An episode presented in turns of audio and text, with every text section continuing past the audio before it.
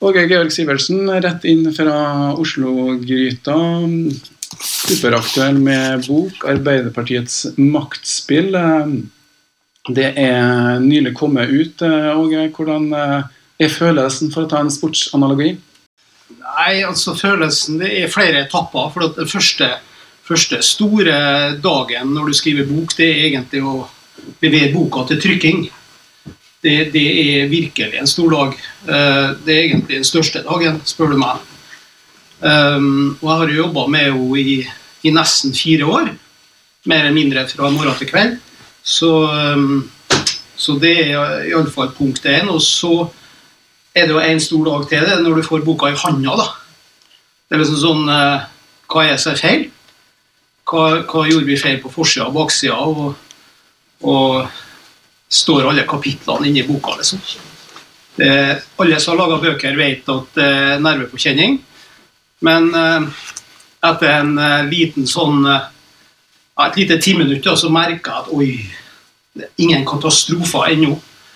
Og da, da er jeg liksom berga litt den. Altså, da er jeg en rom cola og så en liten sigar der òg. Um, og så gjenstår det jo den feelingen som du snakker om da, hva skjer nå? Fordi at eh, Blir det noen reaksjoner? Ja, det, det, rare er jo når du skriver bok eh, da og bruker så mange år på det, så kan det komme altså De som anmelder boka, de Veldig ofte så har de ikke skrevet bøker sjøl, de vet ikke hva prosessen egentlig går i. Og hvis de ikke er enige, så er det, det her er jo en politisk bok, kan du si. Sånn at hvis du hvis du er på den ene eller andre eller midt i, midt i båten, så, så, vil det prege deg ubevisst. Da, og uansett så vil du uh, få en feeling av at ting er bra eller dårlig. Uh, slik at uh, Jeg sitter jo litt igjen med allerede at de som er på høyresida, de Oi, oi, oi, oi, endelig kom det her.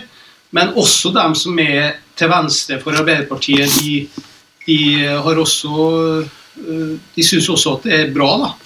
Eh, så foreløpig så savner jeg jo Odd Inge Teige eh, Jeg savner ikke han, men jeg savner mer av, savner mer av hans utsagn. Fordi han syns det var informativt og lærte en god del om temaer som han kjente. Eh, altså, Odd Inge er jo fra Arbeiderpartiet. Og, og Kristiansund? Ja. Ja, altså det er jo det her eh, å gi ut en bok. Eh, og den boka her er jo eh, Jeg må jo si at den er veldig up to date, eller oppdatert, da, og veldig tett på, på tidspunkter og hendelser som faktisk skjedde nå nesten i høst. Når var du på en måte sendt den til trykk? Ja, Det var litt snålt akkurat det der, da, fordi at når jeg skulle sende den til trykk, da, så, så kom jo den Giske-saken i Trondheim. Jeg skulle ikke si på nytt igjen. jeg. Og det var jo en slags eh, ja, muligens siste krise da, i, i trappetrinnene til, til um, Trond Giske. Og da sa jeg til forlaget hør her, nå må vi bare vente et par uker. Jeg må, jeg må bare konsentrere meg 100% og skrive hva som har skjedd med Giske-saken i Trondheim. Og jeg hadde jo skrevet et kapittel som het 'Skittentøyvask' allerede, som handla om Støre, Giske og Tajik. Men når, eh, når Giske ble sparka fra å, å, være innstilt da, som fylkesleder i, i Trøndelag, så, så, var forlaget med på det, og så skrev vi det. og så Det pussige var jo at samme dagen som boka ble utgitt, da, samme dagen som jeg fikk henne i hånda, og så vi hadde lansering av boka på Lorry i Oslo ja, Jeg lurer på om jeg kan lese opp akkurat det, altså. Lorry er jo da en uh, litt uh, brun pub, eller uh, i Oslo nederst i Heg Hegdehaugsveien, ikke Lorry har alle farger. nei, jeg skrev her, da, så skrev jeg skal man driste seg til å gi et råd til Arbeiderpartiet. Det skriver jeg de siste fire-fem linjene her da, på side 326. så må det være at man forsøker å ta vare på personer som Jan Bøhler jeg vet at Arne Grødal er ikke enig, da. Men uh, Bøhler er en respektert politiker, men han stiller ikke opp for Ap i en ny periode på Stortinget. Det visste jeg jo om. Han ønsker ikke intern strid. Politikere som Bøhler er det ikke mange av. Arbeiderpartiet bør ta vare på slike. Og Det var altså samme dagen som hvor jeg lanserte boka at han gikk til Senterpartiet. Så eh, Troll i ord. Ja, Runar Kvernen fra Kristiansund, han, han, han sa Åge Timing Sivertsen, sa han. Rett og slett. eh, på lanseringa. Så det passa for så vidt bra, det, da, men eh, det her er populisme. Så Ja da. eh, Det er jo en bok som egentlig utspiller seg for et ganske langt tidsrom i norsk historie, det her. Og det er jo en Du kaller det politisk bok. Det er en historisk dokumentarisk stil i det, men du bruker jo litt adjektiv og sånne ting, så det er jo eh, Ja, hva, kaller du det? Er det et historisk eh, bidrag? ja, det er så absolutt. Ingen tvil om. Det har jo vært skrevet om konflikter i Arbeiderpartiet før. Jo, men det er like fullt historisk for det. Altså, boka består jo av 428 noter, og eh, det har vært gjennom eh, i alle fall eh, fire profesjonelle konsulenter. Hans Olav Lahlum var jo den siste som fikk lese det. og jeg skulle til å si, Hvis ikke Lahlum finner så mange feil, så er det ikke så mange feil i boka.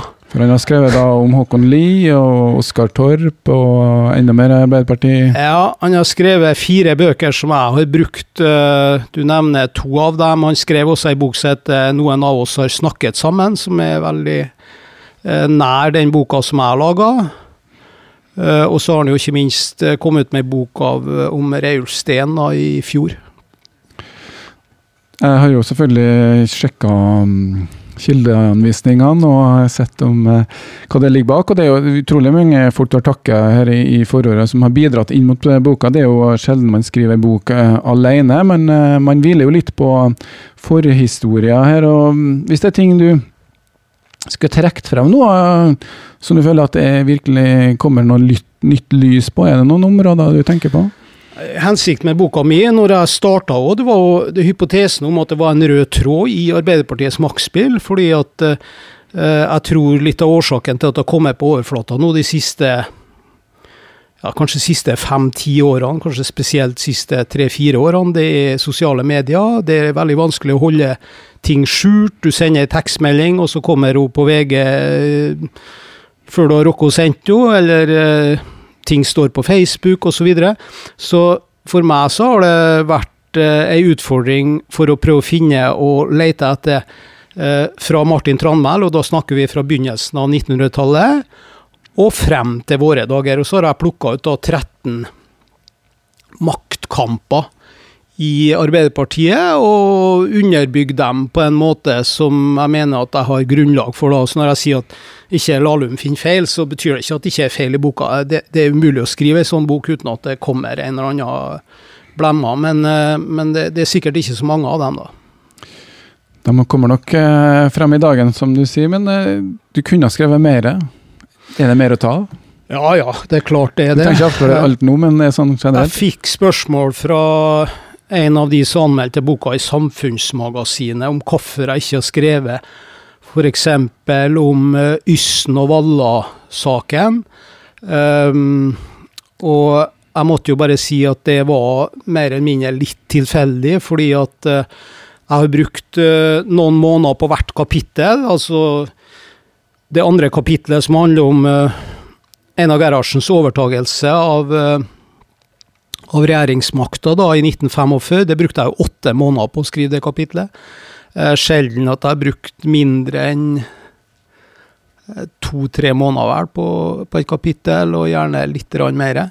Eh, slik at eh, jeg måtte sette punktum. Altså Gardermoen-saken kunne jo vært med. Tore Tønne-saken kunne jo vært med. Men det er altså som det sto i en anmeldelse i Finansavisa, som, som kalte det årets julegave. Da, takk og pris for det så langt. Eh, de mente jo at det kunne ha vært tre bind, men så ble det bare ett. Ja, årets julegave. Du har vel allerede kommet i gang med opplag eh, nummer to, er ikke? Jo da, det var forlaget som beslutta det etter 14 dager, fordi at eh, de fikk sånn pågang da på eh, det, det to ting når det gjelder salg til bokhandlere. Det ene er fakturerte salg, og det andre er hvor mange bøker de tar inn. Og for at de har jo returrett. vet du, Kjell Juel sitter jo her og tør jo ikke ta inn ei bok uten at han får lov å levere henne tilbake. Så, men, men det ble bestilt såpass mange da, eh, at eh, de valgte å trykke opp først 3000, og så 5000. Ja, og det tyder jo på at det her er jo interesse for uh, det er ganske bra beskrivelser. Du engasjerer en del, um, del tungvektere i forhold til her, historikere og også kommunikasjonsrådgivere. Vi skal komme tilbake til det. Men det er litt det, det er liksom det å skrive en bok om sånn maktspill. Her er jo en TV-serie, så det holder. Eller ti. Ja, har du planer? Neppe. Nei, men jeg må prøve å ta essensen, altså. Er, det er jo et alvorlig budskap i boka. Og, og, så er det mange da som slenger seg på og sier at ja, det er fantastisk, eller et eller annet, men har de lest boka? Og hva er det som er fantastisk med boka? Jeg mener jo bestemt at uh, det er en rød tråd i det spillet som har foregått, og som foregår i Arbeiderpartiet. Uh, jeg kan dra litt av det, eller vil du ha musikk nå? Nei da, du må bare snakke videre, for jeg må ja. gjøre hele studiejobben. Det er ja, ja. one man-show det her, skjønner du. Ja, ok. Nei, jeg skal forsøke da å dra eh, den røde tråden som jeg, som jeg hadde som hypotese, og som ble litt mer og mer bekrefta. Altså jeg starta med Martin Tranmæl, som er en av de største heltene mine i Arbeiderpartiet. Han hadde kampsaker hele tida, gikk ut og inn av av fengsel pga. meningene sine. Det var antimilitarisme, det var kamp om åttetimersdagen, for å ikke si titimersdagen. Det var uh, fagopposisjon som han danna i 1911 da, for å, for å danne fagforeninger som kunne kjempe arbeidernes sak. Slik at den perioden som er fra si fra 1900 da, og helt til og med 1945 iallfall, så, så har jo Arbeiderpartiet en veldig solid historie. Um, kan ikke si at den perioden til Høyre er like mye å skryte av. Um, mot stemmerett, kvinnelig stemmerett, mot uh, alminnelig stemmerett for menn i 1898. Um, litt også videre da med sosiale ordninger. Men når det er sagt For Arbeiderpartiet er jo en suksesshistorie. Velferdsstaten, det de har fått til, det de har gjort når de har vært i posisjon. Norge er jo en suksesshistorie, ikke nødvendigvis bare pga. Arbeiderpartiet, men helt Du har lest boka, ja? Jeg har lest boka. Har lest boka. Ja. Så, så det, altså, det, er jo historien om Norge, men det er også historien om Kristiansund òg, Hvis du ser eh, altså Kristiansund er veldig speilbilde på eh, Ok, den har 30 år og Klippfiskmillionene forsvant ut, arbeidsplassene forsvant, det var tøffe tider. Eh, Martin Tranmæl sier sosialisme, kommunisme, kampene her. Det er, det er en historie Altså, Vi har levd eh, på godt og vondt med Arbeiderpartiet, som Norge har, da. Jeg kan komme litt inn på det, men jeg vil fullføre den tråden som jeg var inne på nå, med Martin Tranmæl. og Skrøt veldig mye om han og kampsakene som Arbeiderpartiet hadde. Og eh, så svikta de, eh, og de innså jo det i, i 1923, hvor de ikke ville bli med i Komintern, da. De var jo først med i Komintern fra 1919 til 1923, mer, mer eller mindre, men, eh, men når Komintern, altså det russiske, sovjetiske kommunistiske parti, da, hvis vi kan kalle det eh, den organisasjonen, når Arbeiderpartiet ble en del av den, så ville Sovjetunionen styre Arbeiderpartiet i Norge fullt og helt, og det ville ikke Martin Tranmæl. Og heller ikke Einar Gerhardsen. Så da, da forlot de Komintern, og så ble Arbeiderpartiet splitta. Det er derfor vi hører om disse meningsmålingene som vi har ikke hatt mindre Arbeiderpartiet har ikke hatt mindre oppslutning siden stortingsvalget i 1924. Nei vel, men da var altså splitta nærmest i to, da. Så skal jeg prøve å komme til poenget. Um, I 1945 så er det Einar Gerhardsen som tar over som statsminister. Uh, under Martin Tranmæl så er ikke så mye dynasti, bortsett fra gutteklubben Grei. Altså, vi drar på hytta til Einar Gerhardsen, og det er ikke hvem som helst som får bli med på hyttetur. Det er altså kretsen rundt Gerhardsen, Tranmæl, Konrad Nordahl. Eh, fra 45 og utover, på 50-tallet, 60-tallet, i storperioden til Arbeiderpartiet, hvor de har eh, flertall alene 45 til 61, da, eh, og blir kalt ettpartistaten så utvikler dynastiet seg med Einar Gerhardsen. Eh, det er ikke bare han men, og gutteklubben Grei, kan du si, men det er, det er slektninger, det er nære venner. Uh, og summen av det her det er jo det som Jagland ikke var så begeistra for. Uh, og det var det han også kalte dynasti da, og jeg mener at det er en liten rød tråd her i forhold til Hallen Brundtland, uh, Stoltenberg, kanskje kanskje osv. Slik at det er en del av bildet rundt Arbeiderpartiet som er litt vanskelig å vri seg unna. Så kan jo si ja, men, men hva skjer med Høyre i dag? Hvordan er det der? Og, og hva, er ikke det her naturloven? Og det kan det være, men folk må få vite om det. Fordi at eh, Grunnen til at eh, den boka her er produsert, og at et forlag sier ja til den, det er jo at, at en del av historiene ikke har kommet frem. Einar Gerhardsen vet jo like godt som meg uh, en del av de negative tingene som jeg skriver om han, men han har ikke skrevet om dem, til tross for at han har skrevet en rekke bøker.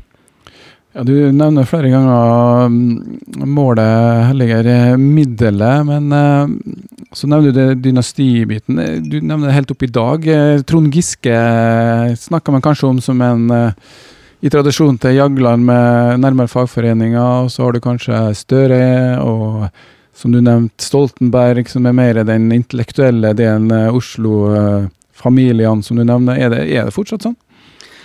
Det var et skillelinje i Arbeiderpartiets historie, tror jeg, når Gro Harlem Brundtland kom inn i 1981. Fordi at frem til da så var Arbeiderpartiet veldig styrt av mannfolk, og ikke av veldig mange, men av et oligarki. Altså et fåmannsvelde, da, som Hans Fredrik Dahl kaller det. Um, I 1981, når Gro Harlem Brundtland blir statsminister, så ble de invitert hjem. Jeg tror det var til Gro Harlem Brundtland. Uh, enten så var jeg der, eller så var jeg hjem til, til Bratteli. Hvor, uh, hvor, de store guttene egentlig var til stede, da, med Jens Christian Hauge, Konrad Nordahl. Uh, og Bratteli, og ikke minst Halvdan Nei, ikke Halvdan Koht, men, men Håkon Lie. Håkon Lie, selvsagt. Og da sier Jens Christian Hauge, som jeg refererer til i boka, etter møtet med Gro Harlem Brundtland, for at de beundra jo hun, men de ville jo påvirke også hun. Men hun brydde seg ikke om dem. Hun hørte på oss, men det var det. Og det, da var det litt over for uh, Hauge og, og, Håkon Lie. Og Jens Christian Hauge presenterer jo jeg i boka som Du kan lure på var det Håkon Lie eller var det Einar Gerhardsen som var Norges mektigste politiker fra 1945 og de 30 neste årene. 40 neste årene. Ja, vanskelig å si, men jeg mener bestemt at det var Jens Christian Hauge som var den mektigste personen i Norge. Han, han, han, var, både, han var forsvarsminister i 45 til 51, han var justisminister i 1955. Han starta sitt eget eh, advokatfirma i 55, og hvis du da skulle ha tak i Jens Christian Hauge, så måtte du ringe eh, Youngstorget arbe eh, hos Arbeiderpartiet og be om å få snakke med Jens Christian Hauge. Og, og det var uansett møte nesten av betydning, så satt de jo jeg, jeg protokollerte jo alle navn. Og så avslutta jeg med Dessuten var Jens Christian Hauge til stede.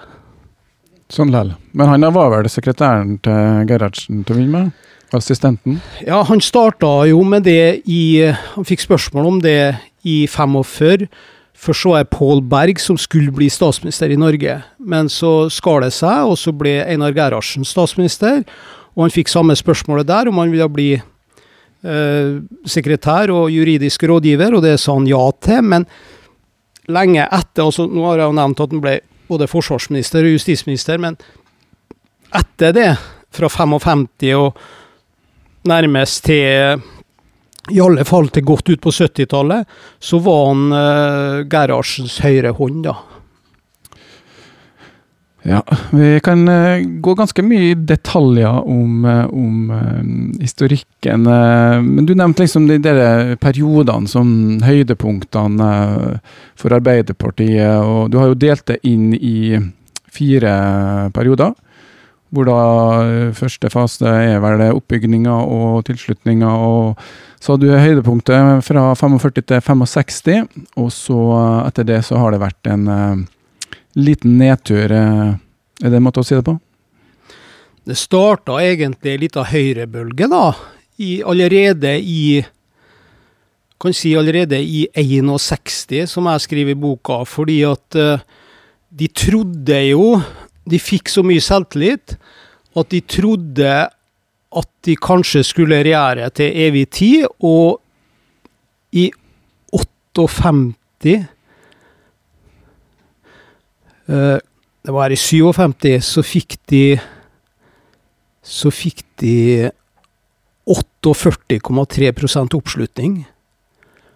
Og eh, da var jo målet var jo å få over 50% Og Håkon Lie var jo superflink vet du, på disse valgkampanjene. Har han levd i dag, så har jo alt gått bra for Arbeiderpartiet. Han har jo bare forklart hva som skulle skje. Det gjorde han, det gjorde han fra begynnelsen av 1930-tallet han, og frem til han gikk av i 69. Det var ikke, de var ikke under 40% på noen stortingsvalg i perioden 33 til 1972. 73.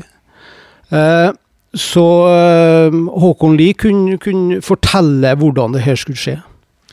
Men Det dukker jo opp en del saker da, underveis eh, som splitter Arbeiderpartiet, hvis jeg kan oppsummere det på den måten. Det er jo eh, EU-saken i 72. Du har vel også Nato-biten, eh, eh, hvor det detter mer og mer. Eh, og det er kanskje færre ting å samle seg om som man blir helt enige om. Det er liksom slik at man blir litt mer fragmentert når landet begynte å bli bygd opp, og det er kanskje andre ting som kommer inn. da. Om man prinsipielt blir uenig, og man ikke kommer fram i Arbeiderpartiet, så starter man noe eget. Ja, Det er jo mange temaer å ta av, og det er mye å snakke om. Og hvis vi fortsetter med det som jeg snakka om i sted, med, med 1961, hvor eh, det er Sosialistisk Folkeparti som sørger for at Arbeiderpartiet ikke får flertall alene lenger. Eh, de står da på vippen, og det er jo det som sørger også for at de mister makta, og mister den i fire uker. Eh, I forbindelse med Kings Bay-saken i i 62, og, og så mister de jo eh, makta til eh, de borgerlige da, og Senterpartiet i utgangspunktet, med Per Borten, i 1965. Så da er det altså et eller annet som skjer, og det var jo en av de største nederlagene kanskje til Einar Gerhardsen, fordi at han undervurderte Finn Gustavsen og uh, Sosialistisk Folkeparti. Og, og, det som du snakker om øh, til slutt her, da, det var jo at at i, når EU-valget, eller EF-valget, kommer i 72, så kommer det en så kraftig splittelse i Arbeiderpartiet som de kanskje aldri har kommet seg helt over, pga. at det, de var veldig splitta. Einar Gerhardsen var jo egentlig han sa vel offisielt sett at han var ja til EF, men så, så var, var, han av en sånn støpning at hvis han sa ja, så trodde du at han mente nei, og sa han nei, så trodde du at han mente ja. Så, så han, var, han var liksom skulle ha med alle. Han var veldig redd. Han husker jo splittelsen han i 23 med Norges Kommunistiske Parti, og var livredd for at det kanskje skulle gjenta seg. Og det var jo en Ja, det var ikke det som skjedde, da, men vi fikk jo vi fikk jo Sosialistisk Venstreparti i 75, var ikke det? Og så hadde vi før det Sosialistisk Valgforbund, som ble stifta i 73. Så, og da ble Da tror jeg i den perioden at Arbeiderpartiet begynte å innse at kanskje vi ikke kan styre helt alene lenger. Vi må ha et støtteparti. Ja. Det skjer jo bl.a. her i Kristiansund, hvor Arbeiderpartiet akkurat nå i disse dager styrer sammen med et annet parti, da. Og eh, nå skal vi ta historien om Arbeiderpartiet som sådan, men det går an å dra paralleller lokalt til Kristiansund, hvor eh, Arbeiderpartiet også hadde sin storhetstid da, i etterkrigstida. Og eh, i den tida så var det Folkets hus som hadde mye av makta framfor da rådhuset hvor eh, kommunestyret var. Og da syns jeg vi skal ta og spille litt eh, musikk nå. Og Jon Kins låt med eh, tittelen 'Kongens plass' burde jo passe fint inn her, da. Da skal vi ha fått uh, spilt ferdig Jon Kinn uh, med da sangen eh, 'Kongens plass', og det markerer vel egentlig at vi skal nå være tilbake i Kristiansund. Det er jo en bok som Åge har skrevet om Arbeiderpartiet. Men i Kristiansund så har jo Arbeiderpartiet hatt ganske sånn mektig flertall i, i lang, lang tid. Og mye av det som er problematikken nasjonalt, det har vi også her eh, lokalt. Eh, og eh, Grunnen til at vi snakker om Kongens plass, er jo litt at Folkets hus står der, og der var det mye makt. Vi skal komme tilbake til det etter hvert, hvor, hvor mye makt man hadde i representantskapet der.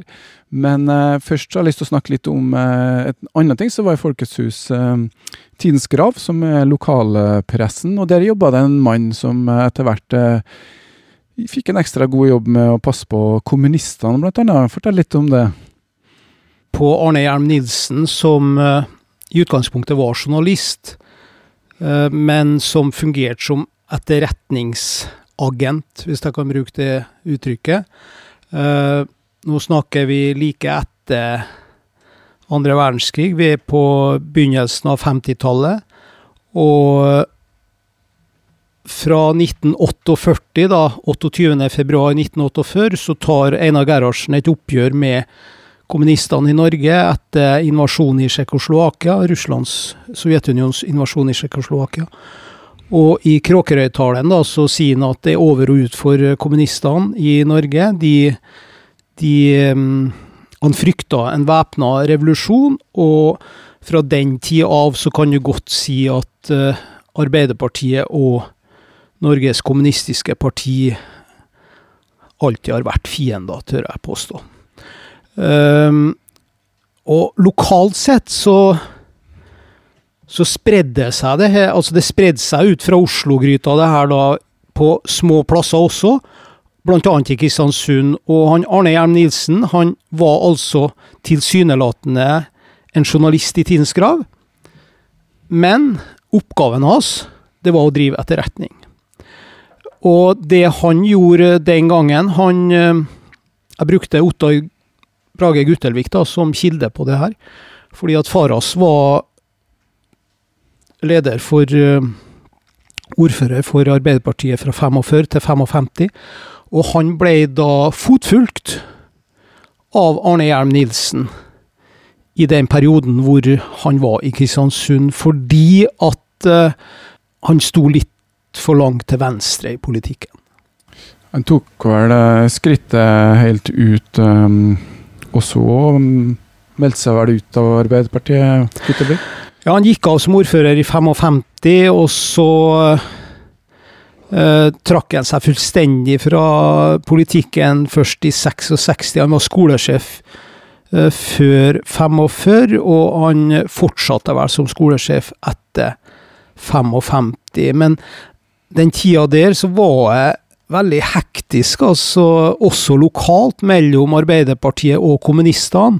For at kommunistene var veldig sterke like etter krigen, også lokalt. De fikk jeg tror det var 11,9% oppslutning på det første stortingsvalget etter krigen. Og Einar Gerhardsen ville jo samarbeide, han ville ikke bare samarbeide, men han ville slå sammen Arbeiderpartiet og Norges Kommunistiske Parti i 1945. Fordi at Bakgrunnen til det var at han hadde opplevd så mange kommunister, eh, kanskje først og fremst på Grini, men også i Sachsenhausen. Og han hadde Altså, de gjorde jo en kjempeinnsats under krigen, kommunistene. Og så har du også ei skjebnehistorie som jeg kommer inn på med krigsseilerne, hvor det også der var mange kommunister. Slik at uh, behandlingene av kommunistene er jo ei stygg historie som jeg bare har kjørt ei lita ramme av. Kommunistene eh, var jo aktive eh, her, og du nevnte det med overvåkningsbitene. Men la oss ta den tida, altså 48. man frykta vel at Sovjetunionen skulle gjøre sånn som i Tsjekkoslovakia. Det var jo annen tid sånn mentalt også. Det, Går det an å forestille seg situasjonen? Rett og slett, Går det an å forsvare det? Det er det jeg spør. Um, jeg tror jo det vanskeligste når jeg holder foredrag om de bøkene som jeg skriver, og Min spesialitet ligger jo egentlig på andre verdenskrig, eh, og de bøkene som jeg har skrevet om Norge og andre verdenskrig. Og Da prøver jeg hver gang å skru tida tilbake. Hvis jeg har skrevet om f.eks. Henry Oliver Rinnan, eller jeg skrev også en bok om Vidkun Quisling, så prøver jeg å fortelle at nå må vi skru tida tilbake, og ikke tenke på at at uh, det her må forstås med nåtidens øyne, men med datidens øyne. Og det er jo du inne på selvsagt nå, da, fordi at eh, tida etter 1945 eh, Det gikk jo ikke mange månedene, eh, si 46-47 for ikke å si 48, så er det jo iskald krig internasjonalt sett, og også da ble det jo enda mer kaldt etter den Kråkerøy-talen til Gerhardsen i 48. Og da kan du si at en del av den jobben som, eh, som regjeringa eller PST, da, etterretningsdelen i Norge, står for, det, det, kan nok forsvares en del av det, men det som ikke kan forsvares, det er jo den ulovlige overvåkinga. Og den var en del av, altså. Ja, og det var jo ikke bare overvåkningsbiten som var vanskelig. Det var jo ikke lett å få jobb, du nevnte krigsseilerne. Det ble jo det var, ikke, det var, rett og slett uh, på livet løs for uh, en del? Jeg vet ikke helt hvordan Vedding har overlevd, også, men uh, Men det var jo slik i Årdal, f.eks. Jeg snakka med en historiker der som faktisk han, han, døde for noen måneder siden, men han har skrevet flere bøker. Og han sa jo det at hvis du ikke stemte Arbeiderpartiet, så fikk du ikke lån i banken. Det var virkeligheten der. Og så var kanskje ikke det Da må vi trekke årene tilbake, og så tenker jeg på Hvis du ikke stemte Arbeiderpartiet, så, så hadde du egentlig ikke jobb. Og skulle du få lån i banken, så må du ha jobb, altså. Det kan jo jeg alt om. Så du har ikke lån, er det du sier? Nei, jeg får ikke lån. Eh, så enkelt er det. Så, men, eh, men, den gangen var det sånn at du måtte stemme Arbeiderpartiet altså for å, for å få lån. Eller for å få jobb, da, så var iallfall det inngangsbilletten til å få lån. Uh, har jo et eksempel fra Syndalen som, som er ganske typisk for det vi er inne på nå. For at i 1970 da, så kom det en krasj mellom, mellom redaktøren i Syndalen og Nei, Syndalen, sier jeg. I, i Aura Avis. Um, Sæter. Og, og, når han Sæter uh, uh, ville starte avis for seg sjøl, en egen avis, fordi at han hadde meninger som ikke Arbeiderpartiet hadde, da ble han innkalt på Youngstorget fordi at eh, det var jo et organ for det norske Arbeiderpartiet. Euroavis, Tidens Grav, alle aviser i A-pressa var jo det. Og det sto jo gjerne på forsida i avisa òg, så det var ikke noe tvil om det. Men han hadde altså sine egne meninger. Uh, og da fikk han beskjed om det at han måtte skrive det som Arbeiderpartiet mente, og ikke det han mente. Og da ville han starte sin egen avis, og det gjorde han jo. Den eksisterer jo i dag. Jeg må fortsette den her nå, før du avbryter meg. Uh, men for å få til det, så måtte han få lån i banken.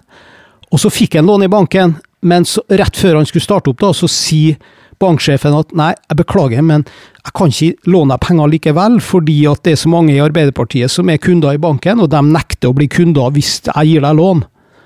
Men så var det heldigvis to banker inni der, da. Og der var en høyremann da, som ga han lån på dagen, og derfor så eksisterer Driva i dag. Hurra. Bud, eh, da det er i dag, så må jeg selvfølgelig ha fast uh, jobb, som du, uh, som du, sier, da, men uh, Vi snakker arbeiderpresse. Det her var jo en viktig del til å liksom holde partiet sammen, men hvis du ser pressens rolle i dag kontra da, så er det jo prøver man jo i meste grad å distansere seg fra partipolitikk og, og ha noen meninger. Merka man det sånn i Kristiansund også etter hvert? Vi kan ta historien litt til Kristiansund og dra den litt bakover. fordi at vi hadde Bergan med klippfiskarbeidere. Og de som jobba der, i perioder, de hadde jo mindre betaling enn på fattigkassen.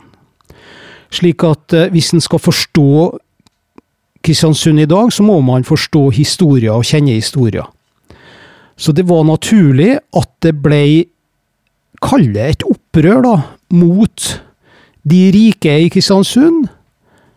Fordi at de som jobba, altså det store flertallet, de hadde for dårlig betalt. Og det her har jo fulgt i tiårsvis gjennom Kristiansunds historie. Slik at man må bare innse at uh, ikke byen har lagt forholdene til rette for privat næringsliv.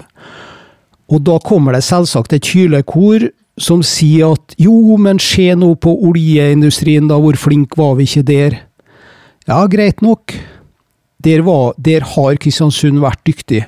Men generelt sett så har ikke Kristiansund vært en by som har invitert til å starte store forretningsbedrifter, store bedrifter.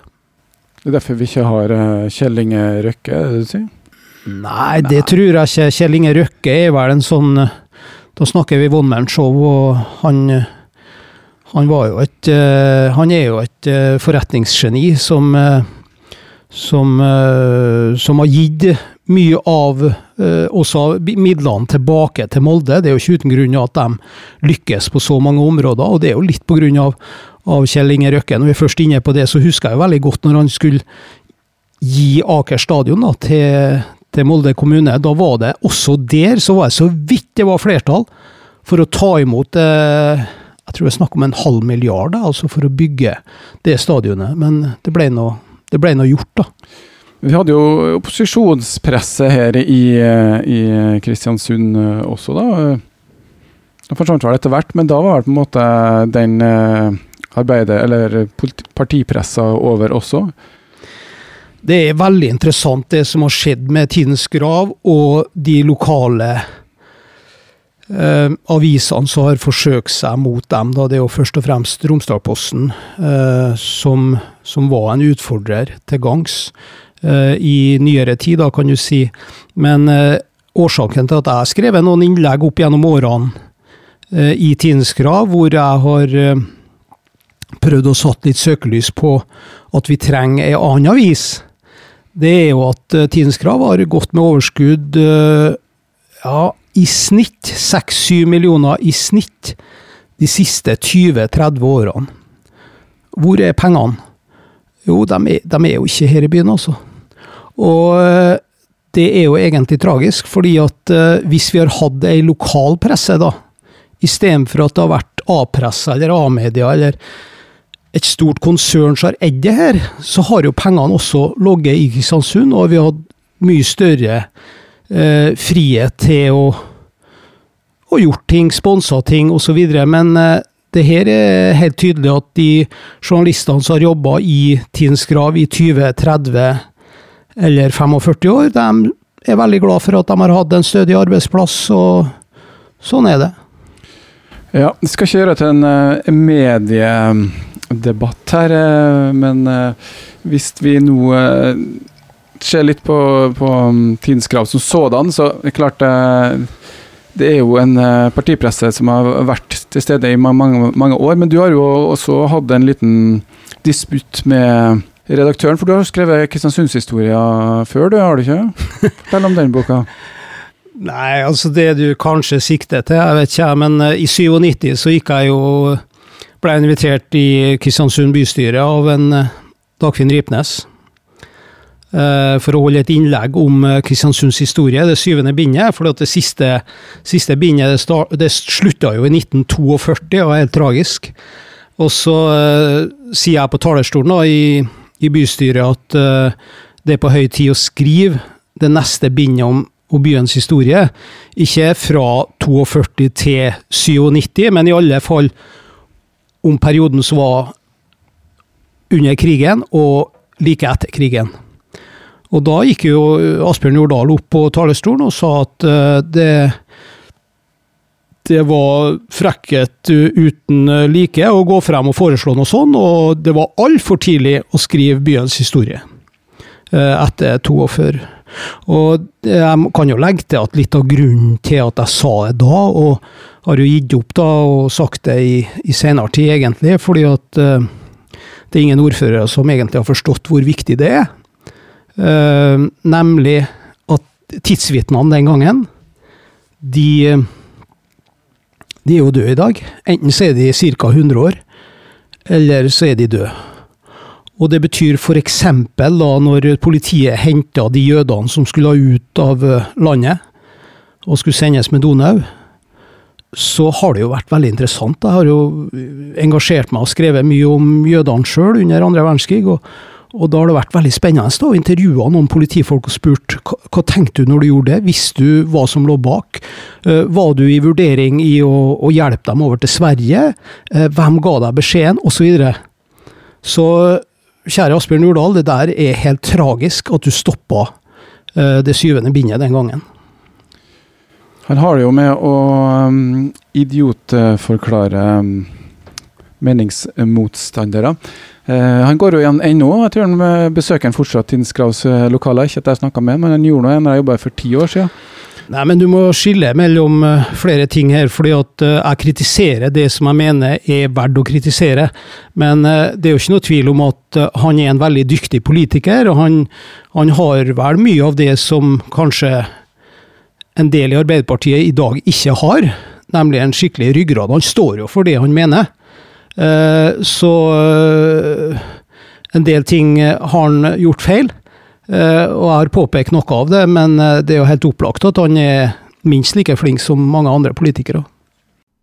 Ja, han er jo ikke her, så vi lar han ligge. Han er heller ikke den viktigste del av den boka her. Han er ikke engang omtalt med navn. Eh, men vi skal høre om en annen redaktør og Kristiansund her som ble snakka om. Men aller først nå så tar vi en eh, liten uh, musikkpause. Vi er her fortsatt med Åge Georg Sivertsen, som har gitt ut boka 'Arbeiderpartiets maktspill'. Vi har vært en runde nå gjennom historien til mm, Arbeiderpartiet. Og vi har hekta oss litt på den lokale vinkelen, og vi, har hinta litt om en redaktør som har jobba i Tidens men vi skal ta, vente litt før vi tar det temaet. og for det som er utgangspunktet for makt, det er jo for å kunne få gjort ting, og, og det er jo bra, men uh, vi har jo et demokrati i Norge. Og hvis vi tar Kristiansund, hvordan var egentlig forholdet mellom uh, Folkets hus og da rådhuset på kaia? Um, I Kristiansund så har det selvsagt vært slik som det har vært i Ja, den gangen Jens Arup Seip sa at uh, all makt har forlatt Stortinget, den er hos Arbeiderpartiet, det var i 1963. Da hadde vi ca. 450 kommuner i Norge, men ettpartisamfunnet uh, det fortsatte selv om ettpartistaten muligens forsvant. da. Og når jeg sier ettpartisamfunnet, så betyr det at i de fleste kommuner i Norge, jeg har ikke antallet, men iallfall i en rekke av kommuner i Norge så var det et flertall i Arbeiderpartiet som styrte kommunen, bl.a. i Kristiansund. Og sånn har demokratiet, da, i anførselstegn, fungert. Ehm, jeg fikk jo intervjue Per Kristian Øyen i forbindelse med boka, og jeg kan lese, lese et lite, en liten side fra boka, som eh, heter 'Makten tilbake til Folkets hus'. og Det under kapitlet har du partiboka i orden. Jeg hadde jo da tidligere vært inn på hvordan demokratiet ikke fungerte i Sunndalen, så her står det. Ikke langt fra Sunndal er det en annen kommune som har vært hovedsakelig styrt av Arbeiderpartiet, Kristiansund. Her fungerte ettpartisamfunnet fra 1945 til 1979, men også etter at partiet fikk tilbake makten i 1983. I 1979 ble det en borgerlig samling mellom Venstre og Høyre. Da Arbeiderpartiet vant tilbake makten i 1983, ble, ble Per Kristian Øyen, den gang leder for det lokale Arbeiderpartiet, referert fra et møte i Kristiansund Arbeiderlag 23.9. Og da sier Øyen, da. Valget innebærer at makten føres tilbake fra rådhuset til Folkets hus. Folkets hus hadde samme adresse som representantskapet i Arbeiderpartiet. slik at Øyens utsagn ikke var til å misforstå. Høyres kommunestyrerepresentant Ole Molland senior reagerte på avisartikkelen og skrev i et leserinnlegg i Tidens Krav et par uker etterpå, 7.10.1983, kolon. Den siste delen av uttalelsen har ingenting med demokrati å gjøre, og er faktisk skremmende. I praksis betyr dette at bystyret og formannskapet blir sandpåstrøingsorganer etter at sakene først er avgjort i Folkets hus. Per Kristian Øyen satt i Kristiansund kommunestyre fra 1979, ble valgt inn i representantskapet i 1972, og satt der inntil det ble lagt ned på 1980-tallet. Øyen var også byens ordfører i perioden 2007 til 2015. Den gangen Arbeiderpartiet hadde representantskap i Kristiansund, ble mange saker behandlet i Folkets hus, f.eks. beslutningen av kommunebudsjettet. I dag ser Øyen annerledes på representantskapsmodellen. Og Når det gjelder den, da, så ber jeg dere ja, kjøpe boka eller lese det som står der om detaljene om representantskapet. Men han, han sier i dag så sier han den gangen virket det logisk og naturlig men vi visste aldri hvem som stilte i representantskapet. F.eks. Jern og Metall hadde en stor medlemsmasse, og de kunne mobilisere til enkelte møter, slik at de fikk gjennomslag for sine ønsker. Mye makt satt i representantskapet, og man kan diskutere hvor demokratisk dette var. I dag er jeg glad vi er kvitt denne modellen. Så intervjua jeg også en eh, politiker fra Høyre, da, Lars Sevaldsen. Han satt i to perioder hvor Arbeiderpartiet hadde flertall, og han fortalte meg kolon. Jeg kastet bort åtte år av mitt politiske liv. Representantskapet i Arbeiderpartiet styrte byen. Flere ganger hadde ikke engang medlemmene i Arbeiderpartiet påvirkning på det som ble bestemt, 100 meter lenger opp i gaten. Ja. Det forteller om et system som eh, Ja eh, men sånn kort da, så kan du si at uh, det var et sånn praktisk grunn til at man gjorde det. For at ok, man kunne ha medlemsmøter i arbeiderbevegelsen, men det ville bli veldig mange som møtte opp. Uh, mens man da valgte at uh, kun 10% av medlemmene kunne møte i representantskapet. Men det var jo ikke alltid det var fylt ut fra alle foreningene. så det betyr at når man mobiliserte, så kunne noen få kanskje 20 representanter som møtte opp. Jern og Metall, f.eks. Og da fikk de eh, kanskje en større innflytelse enn eh, hver mann sin stemme, da. Men det betydde jo, som du sier, eh, kommunestyret var sandpåstrøing. Det her foregikk jo langt inn i ja, til 2000-tallet også. Det er ni kommuner i Norge i dag som har representantskapsmodellen, men hvor demokratisk den fungerer i dag, har ikke jeg satt meg godt nok inn i. Eh, jeg vet bare at i en del tilfeller så fungerte den ikke eh, slik som man burde, eh, tror jeg. Ja, Men det var jo viktig da å være en del av arbeiderbevegelsen når man bodde i, i Kristiansund. Det handla jo også om å få jobb. Og vi har vel eh, egentlig en sånn referansehistorie for eh, den minst kvalifiserte ansettelsen eh, i Norge. Fortell litt ja. om den, Åge. Jeg har to historier. Den ene handler om den som du sikter til, om bademesteren som Ja, som ikke fløyt.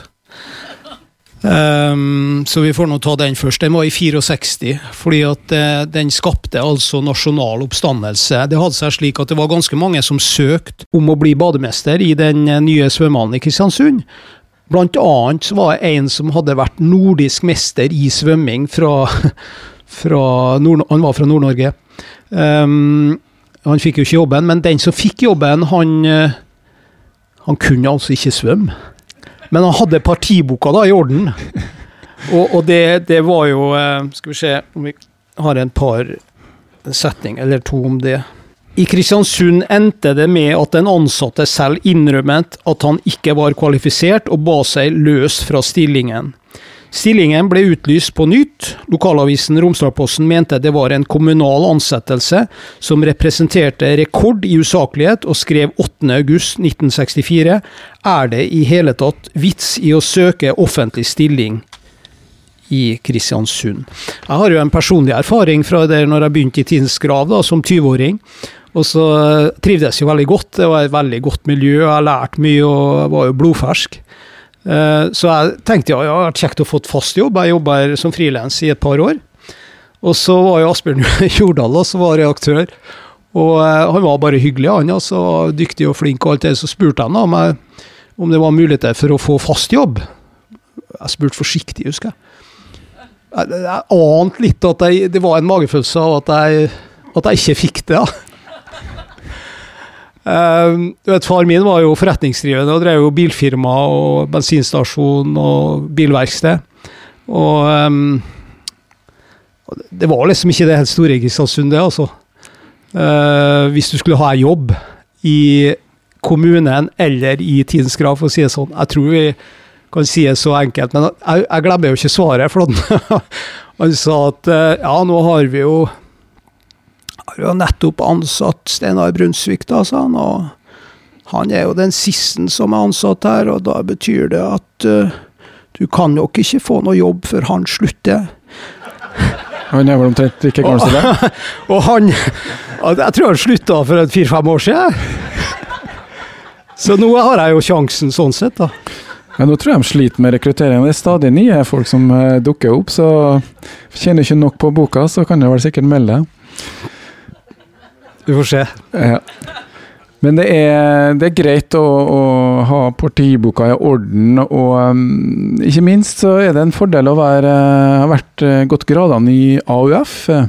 Hvilken sånn rolle var det det å være en del av AUF for å liksom få karrieremulighet, eller ta stigen i Arbeiderpartiet? Du vet, det her er på godt og vondt, det. Fordi at uh, det er fantastisk, tror jeg, miljøet i AUF, i enkelte AUF-miljø. Du lærer en masse. Du har foreldre som har vært i, i Arbeiderpartiet, eller som er i Arbeiderpartiet. Du, du lærer om uh, Sør-Amerika, du lærer om Afrika, du lærer om Midtøsten, du lærer om norsk politikk. Uh, du blir rett og slett klok. Uh, derfra til å styre landet blir jo noe annet. Og jeg skriver jo egentlig et eget kapittel også om det, eller jeg skriver det i epilogen, da, at jeg, jeg tror ikke at, at det er veien å gå for å for å bli minister, eller for å sitte i regjering, eller for å være på Stortinget. Det er ikke sikkert at uh, det å sitte ved kjøkkenbordet eller ved frokostbordet sammen med mamma og pappa, og så ta en utdanning, og så ta en videreutdanning, og så begynne å jobbe på et partikontor, uansett hvilket parti det er, så, så, savner jeg det der med at uh, noen, de som skal styre landet, må, må vite hva hva det betyr å jobbe. altså Et annet arbeid enn å bare sitte på et kontor. da. Noen av dem kan kanskje gjøre det. Ja, og gutter, jeg spør litt. Jens Stoltenberg var jo en uh, kronprins som gikk gradene på AUF. og det regner jeg med han traff en kar fra Kristiansund som han tok med seg videre, gjorde han ikke? Jo, og da, da skjønner jeg for så vidt hva du sikter til. Det er jo Jan Erik Larsen. Du kan jo si Eh, litt i samme gate som en Asbjørn Jordal. Ekstremt dyktig, men jeg vil si en annen eh, divisjon enn Asbjørn Jordal. Eh, altså utrolig dyktig på så mange felt. Han politisk veldig dyktig, historisk kan han jo det meste. Har vært rådgiver og statssekretær for, for Stoltenberg. Har har sitt eget selskap som gjør det veldig bra økonomisk. Uh, dyktige med dikt og skriver egne tekster. altså uh, Det er en av de beste, skal vi si, de dyktigste iallfall personene som noen gang har, har, bodd på Nordmøre, vil jeg påstå. Og, og da kan jeg kanskje fortsette. Ja, for det, det som vi snakker her, er om Jan Erik Larsen ble jo da statssekretær for, for uh, Jens Stoltenberg. Uh, men så Etter en stund så skifta han beite, og det var ikke noe Jens Stoltenberg uh, satte sånn pris på. Nei, Jens Stoltenberg er jo sjøl sjef for Nato, da, så at den moralen som han står for, kan man iallfall diskutere. men Jan Erik Larsen eh, var med og starta First House, og, og, har sitt eget eh, kommunikasjonsbyrå i dag. Og det som jeg skrev om Jan Erik Larsen hovedsakelig, handler om en, en, en stygg sak i min, mine øyne da, i Tromsø i 2010, hvor han går frem på en måte som uh, ikke er holdbar, uh, og det kritiserer han for. Ja, for da eh, prøver man eh, rett og slett eh, Ja, leier man inn kommunikasjonsrådgivere for å påvirke en politisk prosess i Arbeiderpartiet. Eh, Kan du oppsummere den saken kort, eller er den for uh... Nei, det, som, det som jeg tror vi skal gjøre i Kristiansund, er at vi skal snakke opp folk istedenfor å snakke ned folk. Nå har jeg skrevet et helt kapittel hvor Jan Erik Larsen er sentral, og de som vil vite om den saken, de får lese det kapitlet. Jeg er ikke interessert i å snakke han noe mer ned enn det som jeg har skrevet. Eh, og jeg påpeker at, det, at den har såpass mange gode egenskaper at man må også sette pris på dem. Så, så det er min holdning til det. Eh, men jeg kan jo si at lobbyvirksomheten generelt sett, den er superinteressant. Når jeg, når jeg starta med å skrive den boka her, så sier han Erling Kagge til meg eh, på et lite møte som jeg har med reaktøren min, da, eh, Hans Petter Bakketeig, som har vært eh, helt fantastisk eh, flink de siste årene jeg jobba med, med Kagge forlag. Dette er jo ikke en Kagge-bok, det får vi ta en annen dag. Men, men de ville at jeg skulle skrive bare ei bok om lobbyvirksomhet. Men jeg var ikke innstilt på det, selv om jeg skjønner at det er utrolig interessant. Det jeg har skjønt etter å ha skrevet om den saken om Jan Erik Larsen og Troms Kraft, da, eh, som ikke hadde flertall i kommunestyret for å få gjennom en sak. Eh, Sånn som jeg presenterer, så ble de mer eller mindre kjøpt opp av eh, First House til å få flertall. Så det var en, en veldig stygg sak. Men generelt sett så tror jeg lobbyvirksomhet er et, det er en nødvendighet. Det, I mange tilfeller så er det veldig bra, men så er det i de tilfellene hvor eh, de går langt over streken, og jeg tror at uh, money talks. Ja, det er vel bevist, og det er iallfall i USA. Det er uten sammenligning for øvrig helt andre forhold, men er- handler det om hvor mye penger trenger du for å få et vedtak gjennom. Og der er det klart at eh, lobbyismen som kommer litt derfra, er jo med å påvirke det. Men så er det en utfordring, som du sier. På ene sida så handler det om å hjelpe noen som kanskje ikke har mulighet til å komme i kontakt med de rette folkene eller prosessene. Men så er det også den eh, historien som du nevner som eh, er litt utfordrende. Eh, Vi skal ikke grave oss ned i, i den delen, men selv om det er et maktspill hele veien her, men det har jo bidraget til Arbeiderpartiet. Du har jo en analyse på eh, hva Arbeiderpartiet bør gjøre fremover. Det er valg om et år. Eh, har du lyst til å si litt om det? Jeg tror ikke jeg har så mye mer peiling enn andre når det gjelder det, bortsett fra at jeg um, som, jeg har sagt i flere intervju når jeg har, har blitt spurt i forbindelse med boka, så, så tror jeg, enten han Arne Grødal innser det eller ikke, så må man altså erkjenne at det har vært en del Kall det overgrep, da. Og så må man komme seg ut av den problematikken. Altså Nå må jeg vel legge til at ved forrige, ved siste kommunevalg, så får altså Kristiansund Arbeiderparti og er 35 og, og, og det kan en Arne Grødal De kan takke en Arne Grødal for det. Fordi at han gikk i strupen på Jonas Gahr Støre og sa at han var ikke velkommen til Kristiansund rett før valget. Og hun inne på Averøya, eh, Rangenes, ordføreren på Averøya, hun gikk jo egentlig enda lenger, fordi at hun sendte jo ut brev til alle landets partikontor, hvor hun ønska å endre bl.a. helseforetakmodellen, politireformen osv. For spør han Odd Inge Tegge om det her. Men så sier altså Jonas Gahr Støre på valgvaka, når de første resultatene kommer inn, at det, det er ikke så ille, det som skjer nå. Det er ikke så ille, sin, Fordi at Se f.eks. på Averøy kommune, de er jo oppe i hva er 53 Og Det var en helt sprø eh, oppslutning, da. Men grunnen var at det gikk i strupen på Støre, egentlig. Så sånn eh, sjakkanalyse, da. Kort sagt. start med å fjerne Støre. Og bygge partiet på nytt igjen på en annen modell som ikke han følger. Det er ikke sikkert det er så enkelt, for man, man har jo allerede en del tema som man ikke kommer seg utenom.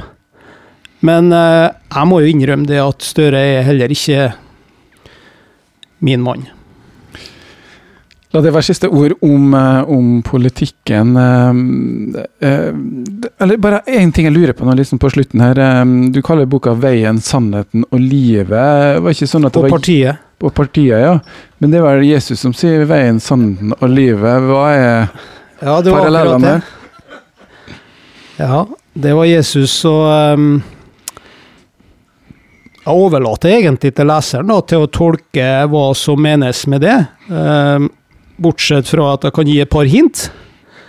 Og det har jo en viss sammenheng med at at kanskje hvis man får for mye makt, da, så, så bli, Hvis man blir for god, sånn som Liverpool var i fjor, og sånn som enkelte andre kan finne på å bli, så kan man finne på å bli litt religiøs. Og, og eh, du vet, selvtillit og, og makt, det, det, kan være veldig bra inntil et visst punkt, men når du kommer over der, så er det garantert ikke bra. Uh, og så er jo det her sannsynligvis slik samfunnet fungerer, da. Uansett parti. Les boka. Det som er noe de har um, Vi skal runde av litt her. Boka er nå til salgs, eh, også her i salen. Uh, 400 lapper, og da kan de få den signert faktisk også. Det er en interessant bok. Uh, vår historie, og også mye å hente for oss fra Nordmøre, uten at det det graves for mye ned i det, heldigvis. Og så har vi som liten radio vi har en sånn vips konto surrende på skjermen. Så hvis du vil ha mer av dette her, det her er jo gratis inngang og støtte av fylkeskommunen, så er det denne Vipps-kontoen som eh, de må bruke, og gjerne bli en eh, radiovenn, for det koster dere 250 eh, kroner, tror jeg. Og får et tøft krus, og så er vi med å starte liksom en del av det alternative mediebildet. Vips, vips er rett til meg? Den går rett til radioen, heldigvis. Du får nok når du har solgt den boka her, du nå. Tusen takk, Åge Georg Sivertsen. Uh, Epilog. Du sa, at, eh, du sa at boka kosta 400 kroner, men nå koster 398. Men jeg, jeg, tar altså to kroner for den signaturen. da. Supert. Takk for oss, eh, og så får dere lyttere og seere. Eh, vi kommer tilbake igjen med flere innslag her fra Kulturfabrikken. Og eh, det blir også et bokbad til med bl.a. Arild Stavrum. Og så får du bare følge med på disse sosiale mediene og på radioen når vi blir neste gang er tilbake igjen. Takk for oss.